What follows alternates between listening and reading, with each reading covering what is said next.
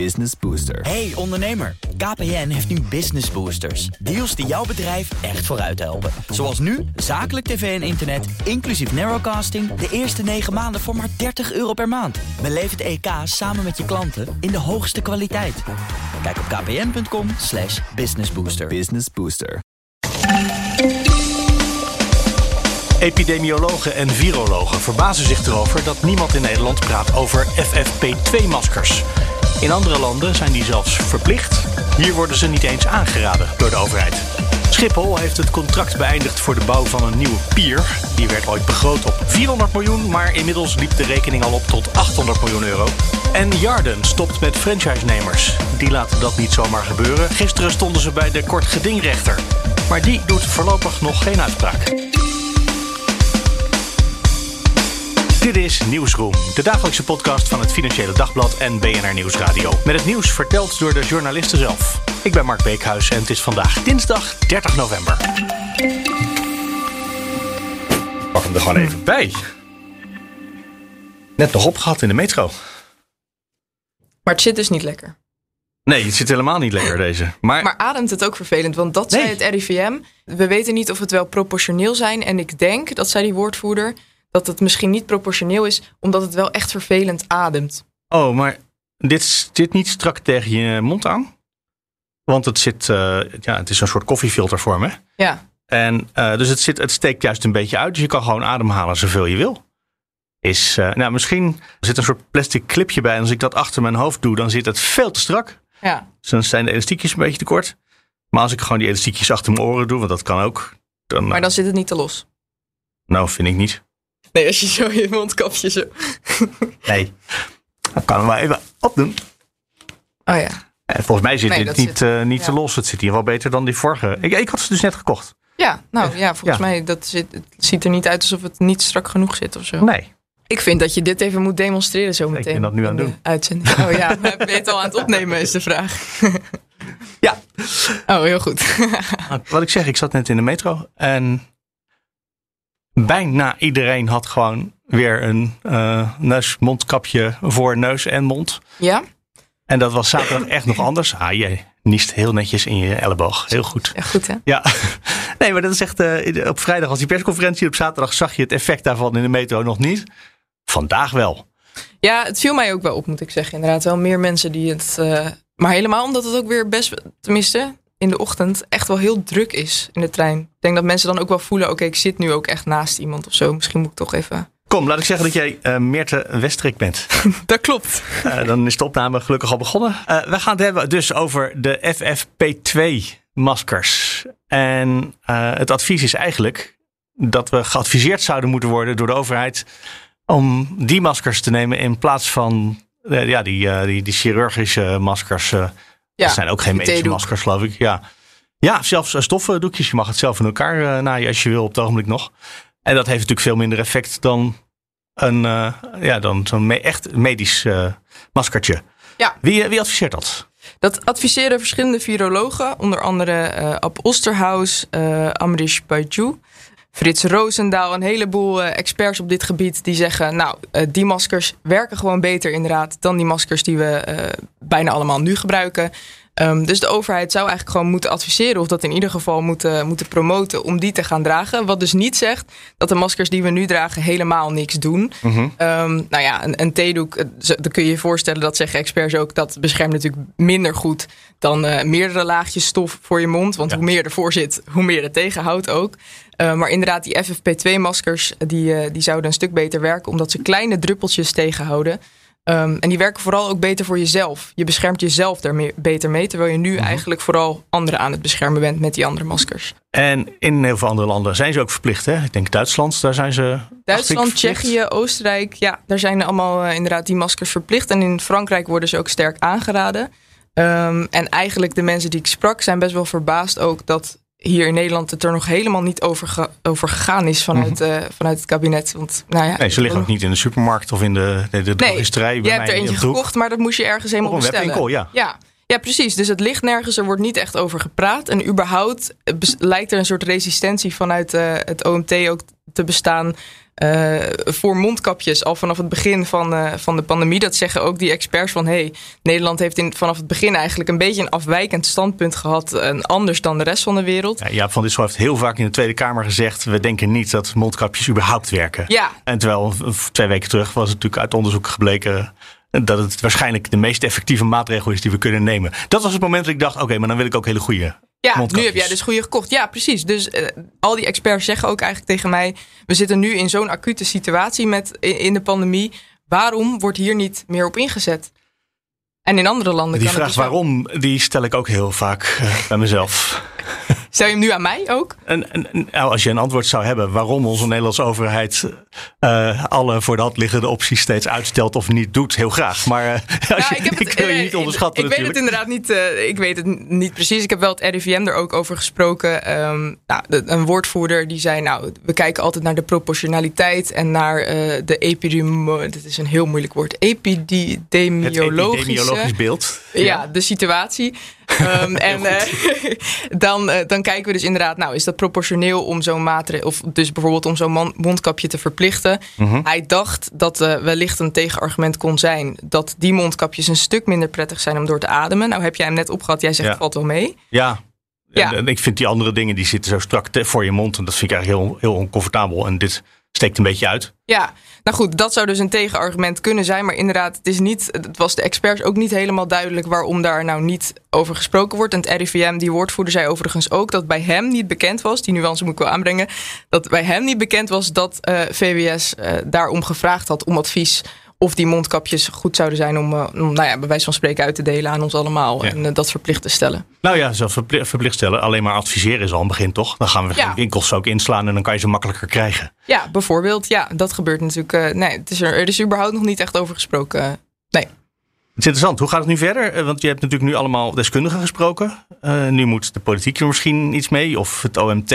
Of eh, wie, wie gaat er nu. Of, of, of stopt het nu met de constatering Nou, dat we ik, ik hoop dat ze allemaal gelezen hebben wat wij hebben gebracht met de experts. Nee. Ja, sowieso was nog een, wel een kritiekpunt is dat überhaupt de hele communicatie over de mondkapjes de hele pandemie eigenlijk niet echt goed is geweest. Ook bijvoorbeeld over hoe doe je een mondkapje nou goed op? Eh, Gebruik je een, een, een theedoek? Nee. Wat kan je beter gebruiken? Wat is een goed mondkapje? Dat daar vanaf het begin eigenlijk amper voorlichting over is geweest. En dat het een heel goed idee zou zijn om, nou ja, bijvoorbeeld, eh, ik bedenk maar wat, een, een re- soort reclamespotje gewoon af en toe op tv te vertonen. Dat mensen er gewoon ook even mee geconfronteerd worden. Dat ze Ja. niet zelf op hoeven te zoeken van, hé, hey, hoe werkt dit allemaal? Want dat doet natuurlijk, nou ja, goed, dat doen weinig mensen, denk ik, en terecht. Eh, dat het gewoon echt eventjes onder je neus eh, gedrukt wordt. Ja. En dat het mondkapje dan over je neus gaat. Uit Japan heb ik zelfs video's gezien over hoe je je handen moet wassen. Ja, En dat is ingewikkelder dan je denkt. Want je denkt, handen wassen kan ik wel. ja, maar dat kunnen we niet. Of is dat... Nou, de achterkant van je hand en tussen je vingers. Zodat ja, ik doe het nu voor. Dat kan je natuurlijk lastig gewoon in de podcast laten horen. Maar dat je dus zeg maar tussen je vingers aan de bovenkant over elkaar inglijdt. Dat dat een belangrijke beweging was. En Ja. bovendien dat je handen eigenlijk tot ver op je arm eh, doorlopen. Heb ik daar ook van geleerd. Nou ja, ja, als je dat gewoon eens even ziet, dan Ja. denk, je, denk je er misschien de volgende keer dat je je handen onder de kraan steekt, eh, denk je er wel aan. Ja, nou bijvoorbeeld, daar waren ze inderdaad, eh, ze zeiden daar moet veel meer over gecommuniceerd worden. En als die FFP2-mondmaskers nou ja, aangeraden zouden worden of wellicht verplicht gesteld, want Ab Osterhaus zei ook dat kun je prima handhaven, want je ziet natuurlijk meteen, hé, hey, dit is een goed masker. Mhm. Staat erop Of dit namelijk. is, ja, ook. Aan de buitenkant met Ja. lettertjes. FFP2 staat erop. Precies, dus dat is heel makkelijk te controleren. Uh, maar als dat gebeurt, dat zei, uh, dat zei een andere expert ook nog wel. Um, dan moet het wel betaalbaar zijn, ook voor Ja. de mensen met een, uh, met een, uh, ja, met een minder inkomen. Dus in Ja, Duitsland gaat het bijvoorbeeld al heel goed. Ja. Ze waren niet goedkoop. nee, nou in Duitsland uh, worden ze bijvoorbeeld gewoon in de winkels wel gelegd. En dan kun je ze gewoon tegen kostprijs kopen. Ja. Dus dat zou dan wel belangrijk zijn, ja. Merel Westrik, dankjewel. Zeg je weer Merel. Merel. Deze laten we erin. Nee, Oh, tenzij je dat wil.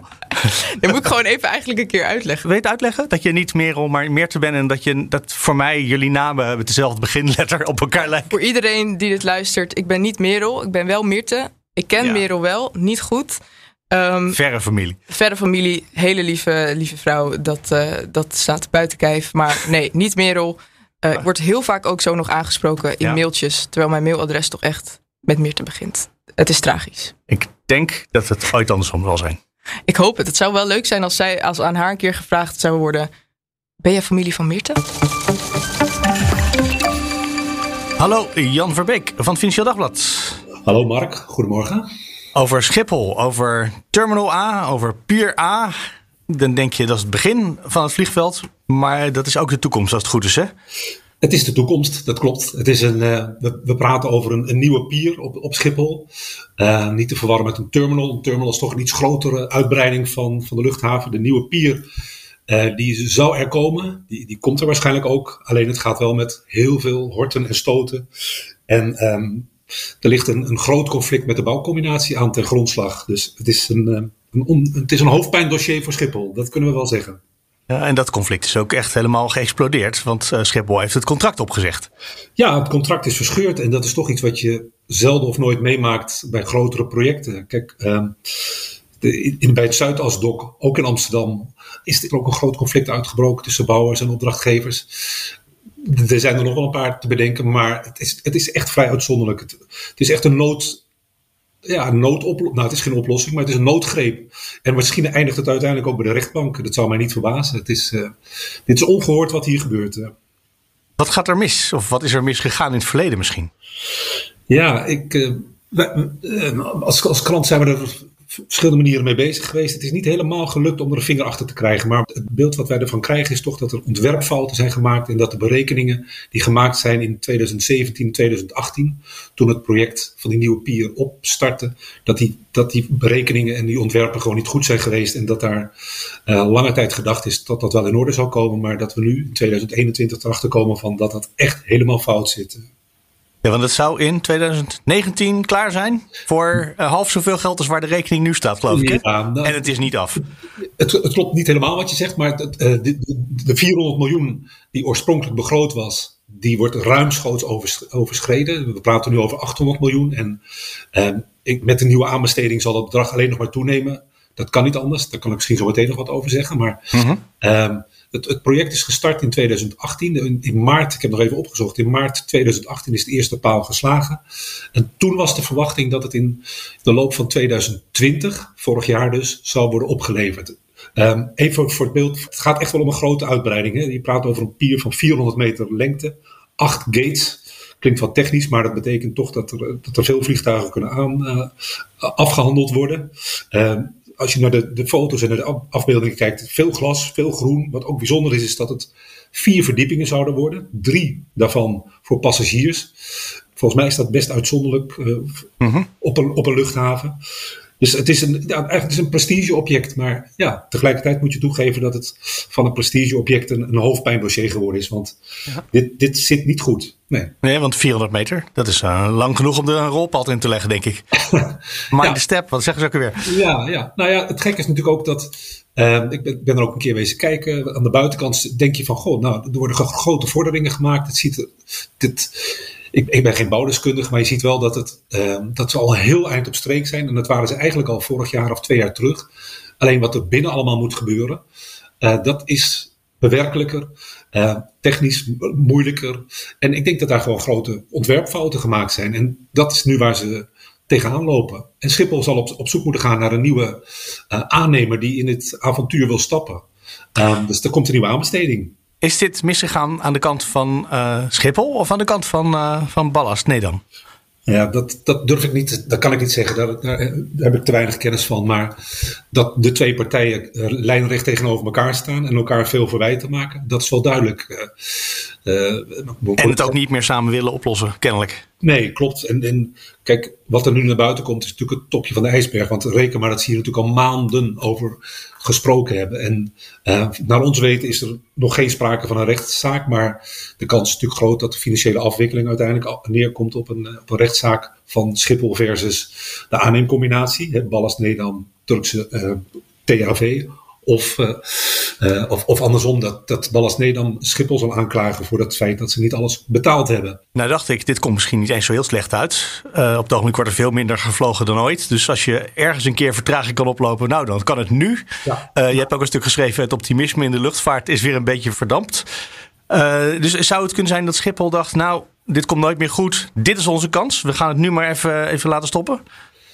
Um, ik denk dat je dat. Het, het, klinkt logisch wat je zegt, maar ik, ik, denk eerlijk gezegd niet dat dat gespeeld heeft. Het is, je hebt gelijk als je zegt van um, de vertraging pakt niet zo rampzalig voor Schiphol uit als op het moment dat de luchthaven barst uit zijn capaciteit, dat er heel veel behoefte is aan, aan nieuwe aanlegplaatsen, aan nieuwe bagageafhandeling. Uh, maar, maar, dat is op dit moment niet het geval. De luchthaven is uh, voor, voor twee derde bezet ongeveer, als je het vergelijkt met de periode voor corona. Dus ja, er kan wel enige vertraging optreden. Maar ik denk dat dit al een langer lopend dossier is waar, waar uh, Schiphol echt heel graag van af zou willen. En wat, uh, ja, waar ze gewoon niet in geslaagd zijn om dit op te lossen. Dit is, kijk, als je. De, de, de directeur die er nu mee bezig is, dat is mevrouw Hanna Buis, hè, misschien nog wel bekend van, van Lelystad. Mm-hmm. Zij is als directeur nu verantwoordelijk voor dit dossier, maar zij werkt pas een aantal maanden aan, aan deze zaak. Als je gaat kijken wat er, wie er de afgelopen jaren verantwoordelijk waren voor de bouw van de pier en de, de verdere verantwoording. Dan praat je natuurlijk toch ook, ook over de CEO van, van Schiphol, Dick Benschop, die in, mei, in het voorjaar van 2018 is aangetreden. Um, zijn voorganger was Jos Nijhuis, die zeg maar, het begin van de uitbreiding van Schiphol, de pier, voor zijn konto heeft uh, genomen. Ja, dit is een, ik bedoel maar te zeggen, dit is een slepende kwestie. En ik denk dat, dat het niet direct te maken heeft met uh, de malaise die de luchtvaart nu uh, doormaakt. Dat is trouwens ook een tragische carrière switch. Hè? Als je gaat van een vliegveld wat uiteindelijk jarenlang niet open mag en misschien wel nooit. Ja. En dan doorgaat naar een verbouwing op Schiphol die al uit de hand gelopen is voor je er begonnen bent. Ja, ja ze kan zich nu, uh, mevrouw Hanne Buis kan zich nu onderscheiden door te, door te zorgen dat er snel een nieuwe aanbesteding uh, komt. Dat, de nieuw, dat een bouwer uh, met verstand van zaken dit project gaat afmaken. Dat de kosten in, dat de kosten in bedwang gehouden kunnen worden. Dus dat we niet nog meer overschrijdingen gaan krijgen. Het is misschien ook wel de manier voor haar om zich verder te, te onderscheiden op dit dossier. Ja, dat is ook weer waar.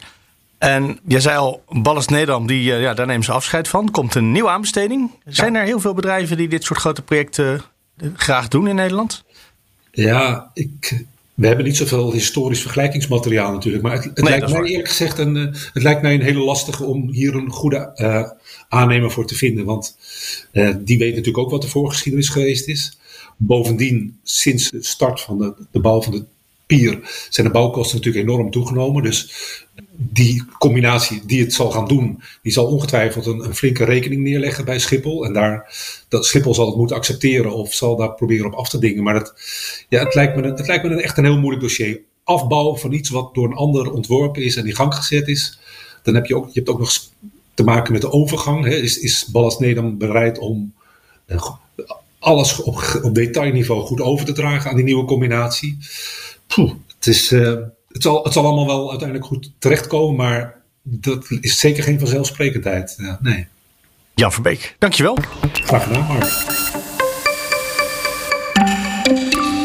Hallo, Lennart Sandbergen van het Financieel Dagblad. Hey, goedemorgen. Over Jarden moeten we weer eens hebben. Uh, grootste uitvaartonderneming van het land. Uh, Zo'n beetje, toch? En, ja, ze waren altijd um, een van de grootste, maar ze zijn uh, deze zomer overgenomen door Dela belangrijke concurrenten. En samen zijn ze wel veruit de grootste, inderdaad. En die overname was niet helemaal vrijwillig. Hè? Dat had te maken met uh, financiële problemen bij het bedrijf. Want ze zijn eigenlijk gewoon te duur. Ja, en, absoluut. Ja. Heb ik jouw artikel in de krant vanmorgen goed gelezen? Dat er nu gewoon de vraag is: gaat Jarden de kostenbesparing opbrengen of de franchise-nemers? Ja, daar komt het uiteindelijk wel op neer. Dus wat er uiteindelijk mis is gegaan uh, bij Jarden is dat ze heel veel polissen hebben verkocht. Die eigenlijk, uh, waarbij de beloftes uh, te duur waren voor wat de polishouders ervoor hebben betaald. Ja. En nou ja, daar, daardoor ging inderdaad het bedrijf onderuit. Natuurlijk ook door de lage rente en al dat soort dingen. Maar dat was natuurlijk wel de belangrijkste reden. En nou ja, toen werden ze dus eigenlijk gewoon gered slash overgenomen door concurrent Dela. En een van de manieren waarop nu uh, kosten moeten worden bespaard, uh, zijn door te stoppen met de franchise-formule die uh, Jarden had en heeft. En dus gaan al de mensen die onder Jarden een uitvaartonderneming hadden, natuurlijk protesteren dan. Ja, klopt. Ja, ik, ik had me nooit heel erg in die markt verdiept, maar het is eigenlijk best wel een interessante markt. Want het is best moeilijk om uitvaartondernemer te zijn met een succesvol bedrijf. Ehm, ik denk dat veel mensen een uitvaart nemen bij een partij die ze kennen. Dus nou ja, stel je auto is al ergens begraven, dan kies je ook zelf voor die partij, zeg maar. En dat is hoe heel veel aan klanten wordt ja, hoe de klantbinding daar werkt. Dus het is dan heel erg moeilijk om, als je net een nieuw bedrijf opzet, om dan meteen genoeg winst te maken. En je hebt natuurlijk wel best hoge kosten. Je moet natuurlijk zo'n auto hebben, je moet een grote locatie hebben, moet allemaal representatief zijn en zo. Dus ja, je maakt best wel flinke investeringen. En ja, een beetje in de markt wordt altijd wel gezegd van ja, de eerste 15 jaar is het toch echt wel heel hard werken voordat je echt een goed lopend bedrijf hebt. En daarom was die franchise-formule ook best wel handig voor die, voor die franchise-nemers. Want daarmee kregen ze gewoon ja, de uitvaarten die via Jarden liepen, dus die bij Jarden verzekerd zijn, die kregen ze sowieso al. Dus op die manier konden ze al meteen een klantbinding doen. En hadden ze al meteen een, ja, een flink aantal uitvaarten per jaar. Nou lijkt het me dat je als franchise-ondernemer niet zo heel erg veel recht hebt, toch? Ik bedoel, je hebt het recht om tot een bepaalde periode deel te nemen aan de formule. En op een moment is het contract over. En als het niet verlengd wordt, houdt het op. Dus ze zijn nu bij de rechter. Maar dat kan Jarden toch gewoon doen? Ja, nou, dat, in principe zou je dat inderdaad zeggen. Van, nou ja, hoe, hoe moeilijk is dat? Maar dan uh, kijkt zo'n rechter toch ook altijd wel naar van, ja, wat voor een uitspraken heeft, heeft Jarden gedaan? Op wat voor manier is, is Jarden altijd de communicatie aangegaan met die ondernemers? En uh, ja, daar zegt in ieder geval de advocaat van die franchise-nemers wel heel duidelijk van ja, maar er zijn toch wel flinke beloftes gedaan dat dit wel echt voor langere periodes is. En dan wordt er wel iedere keer een contract voor vijf jaar gesloten. Maar ja, er is altijd wel uh, ook vanuit Jarden heel duidelijk gezegd dat die 15 jaar gewoon wel een redelijk standaard periode is. En het is ook wel duidelijk dat Jarden dat ook niet helemaal wil riskeren om dat op een uitspraak aan te laten komen. Want ze hebben ook al een uh, paar regelingen getroffen met met een paar franchise-nemers. Dus die doen ook niet meer mee in die procedure. Maar die hebben, dus, ja, die hebben dus waarschijnlijk wel geld gekregen. Zijn in ieder geval de advocaat van die franchise-nemers. Ja. En het is natuurlijk ook zuur, want Jarden heeft die te goedkope verzekering verkocht. Ja. En de franchise-ondernemers die worden dan uit de formule geschrapt omdat ze te duur zouden zijn. terwijl natuurlijk je ook aan de andere kant kan denken, nou dan was, zij waren niet het probleem. Nee, ja, en dat is natuurlijk wel een beetje, ja, dat is aan de ene kant een beetje cru, maar uh, ja, dat kwam ook in de rechtszaak al aan bod. Uh, Jarden is, uh, net als Dela, die dus Jarden heeft overgenomen, een ledenorganisatie zonder winstoogmerk. Dus al het geld, uh, nou ja, dat wordt verdiend, alle winst die wordt gemaakt, die gaat niet naar een aandeelhouder, maar die blijft altijd ofwel in het bedrijf, of dat gaat terug naar de leden, naar de, naar de mensen die een polis hebben, in de vorm van ehm, een lagere premie. Dus in, op die manier is het, ja, wie, wie draait erop voor uh, verkeerde keuzes die zijn gemaakt in het verleden? Ja, je, je kan niet aan heel veel knoppen draaien. Je kan niet tegen die aandeelhouders zeggen van ja, dan heb je maar een jaartje geen dividend, want daar is sowieso al geen sprake van. Hoe gaat dit verder nu? Want het ligt bij de rechter. Uh, zat jij in de zaal eigenlijk trouwens? Was je daarbij? Ja, ik was uh, gisteren in Lelystad in de rechtbank. En daar was, nou, het was een kort geding. Ehm, maar dat duurde behoorlijk lang. Uh, er werd, voor een kort geding duurde het heel lang? Ja, voor een kort geding, ja. Ik, uh, ik heb daar van uh, 9 tot 1 gezeten. Dus dat is, uh, ja. Nou, dat is voor een kort geding de tijd. best wel een periode. Die rechter was ook heel erg op gericht. dat benadrukte hij ook wel een paar keer van ja. Kijk, jullie zijn allemaal hele redelijke mensen. En ik heb het idee dat iedereen hier in de zaal er ook echt wel met elkaar uit wil komen. Dus hij wou ook heel duidelijk de ruimte geven voor die franchise-nemers en voor Jarden om er samen uit te komen. En om dus, uh, nou ja, gewoon uh, tot, een, tot een vergoeding te komen die voor allebei de partijen uh, redelijk is. Dus nou ja, daardoor duurde het ook zo lang, want er werd heel veel tussendoor geschorst. En dan werd er weer eventjes op de gang overlegd tussen alle partijen. Maar uiteindelijk kwamen ze er nog niet uit. En ja, nu heeft de rechter besloten om het eventjes twee weken aan te kijken. In de hoop dat er dan alsnog een oplossing komt. En ja, anders moet hij uitspraak gaan doen. Die rechter denkt nog steeds dat ze er wel uit kunnen komen zonder een uitspraak. Ja, hij wil het duidelijk een kans geven. Want het is ook best wel ingewikkeld uh, qua procedure hoe je anders... Ja, dan moet de rechter dat gaan bepalen. En nou ja, er zitten best wel grote verschillen tussen die franchise-nemers. Het zijn er nu nog 17 in die procedure. Uh, nou ja, de een heeft bijvoorbeeld een eigen pand en de ander heeft een huurcontract dat misschien nog vijf jaar loopt. En zo is het voor iedereen een hele andere situatie. Ook met hoeveel procent van hun uitvaarten via Jarden komen en hoeveel ze zelf uh, binnenhalen. Ja, dat zijn toch allemaal wel dingen die het dan heel moeilijk maken om te zeggen van nou, uh, we geven iedereen in die formule geven we gewoon zoveel duizend euro en dan is het goed. Dus dat moet je heel erg per geval bekijken. Oké, nou, we wachten nog even af. Minstens twee weken. Of misschien zijn ze er binnen twee weken toch nog uit. Lennart van Bergen. Precies. Dankjewel. Graag gedaan. En dat was hem voor vandaag. Reageren kan altijd via de e-mail. Mail dan naar nieuwsroom.bnr.nl of nieuwsroom.fd.nl. En om nog even terug te komen op het lachen in deze podcast, wat af en toe gebeurt, zeker als Thomas van Groningen erbij is. Gisteren vertelde ik je nog over een luisteraar die vindt dat er geen emoties bij het nieuws moeten zitten. Nou, dat maakte natuurlijk weer een heleboel andere reacties los. Maar de discussie is gesloten na een tweet van Geertje. Het schreef: Als we het hebben over volksgezondheid, dan durf ik de stelling wel aan dat humor vrij essentieel is. En zo simpel is het. Tot morgen.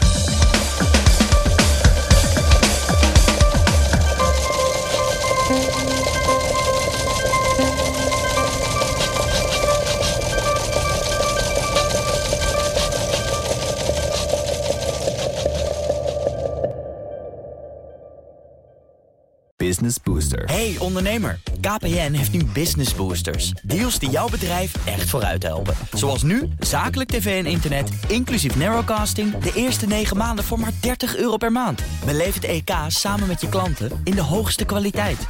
Kijk op kpn.com businessbooster. Business Booster.